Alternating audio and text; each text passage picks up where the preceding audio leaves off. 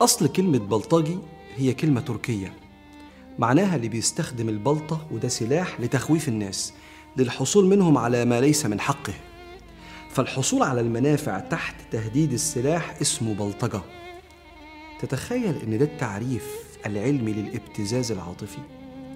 إن إنسان يستخدم تهديد عاطفي للحصول على منافع مش من حقه من ناس بتحبه أو محتاجة ليه. شفنا البلطجة العاطفية دي من ابن أو بنت للأب والأم. نظرات قاسية اعتمادا على ضعفهم وحبهم ليه. عشان يرغمهم يسامحوه في غلطة محتاجة وقفة تربوية. أو ياخد منهم فلوس أكتر من الطبيعي. أو البنت يسمحوا لها بصلاحيات أكتر من المتعارف عليها إنها تتأخر مثلا برة في خروجة من الخروجات. شفنا بلطجة عاطفية من شاب في الشلة كده إنه بيهزق واحد. وبيهدده بالطرد والنبذ من الشلة لأنه بيخالفه في وجهة النظر وده بيحسسه بالإحراج. فيجمع عليه الشباب يطردوه فيخاف الشخص ده إنه يتكلم. شفنا بلطجة عاطفية من زوج بيلوح بالتخلي والانفصال وشراب العيال وضيعوا في الدنيا من غيري عشان الست ما تناقشوش في وجهات نظره اللي هي غلط. وهو عارف إن هي أوقفت حياتها عليه وعلى العيال وملهاش حد تاني. وشفنا زوجة بتتبلطج عاطفيا بسلاح النكد والقدرة الطويلة على الجفا والخصام عشان ترغم جوزها على نوع عربية معين هيزنقه ماديا. سبحان الله زي ما الفلاسفة بيقولوا على البلطجة العاطفية الابتزاز العاطفي. إذا لم تقدم لي ما أريد فأنت المسؤول عن انهياري. كلها تهديدات للحصول على أشياء مش حق استغلالا لمشاعر اللي قدامي حبه ليا أو احتياجه ليا. ويجي صلى الله عليه وسلم يقول إن الله يبغض كل جعظري جواظ سخاب في الأسواق. معنى كلمة جعظري يعني المتكبر الجافي في الموعظة اللي بيتبلطج بالكلام والجواظ الغليظ المختال في مشيته.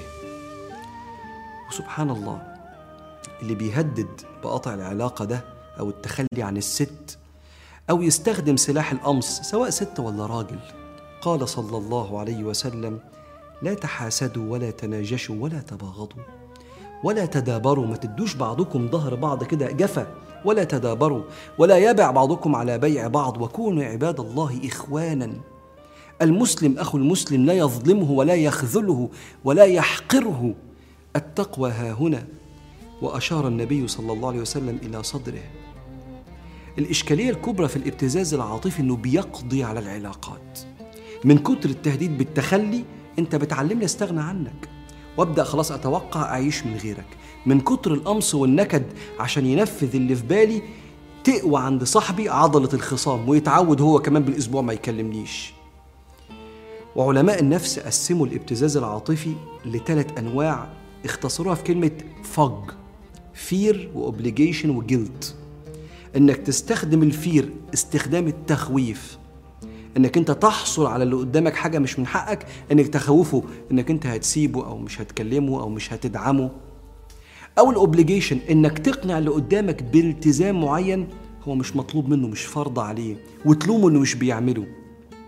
FOG F O G وال G الأخيرة ال guilt إنك أنت تشعر اللي قدامك بالذنب إنه ما تصرفش تصرف معين أصلا مش من حقك. إنك تطلب منه التصرف ده. مش من حقك تطلب منه التنازل ده. مش من حقك تحمله فوق طاقته ولما ما يقدرش تحسسه بال guilt بالذنب.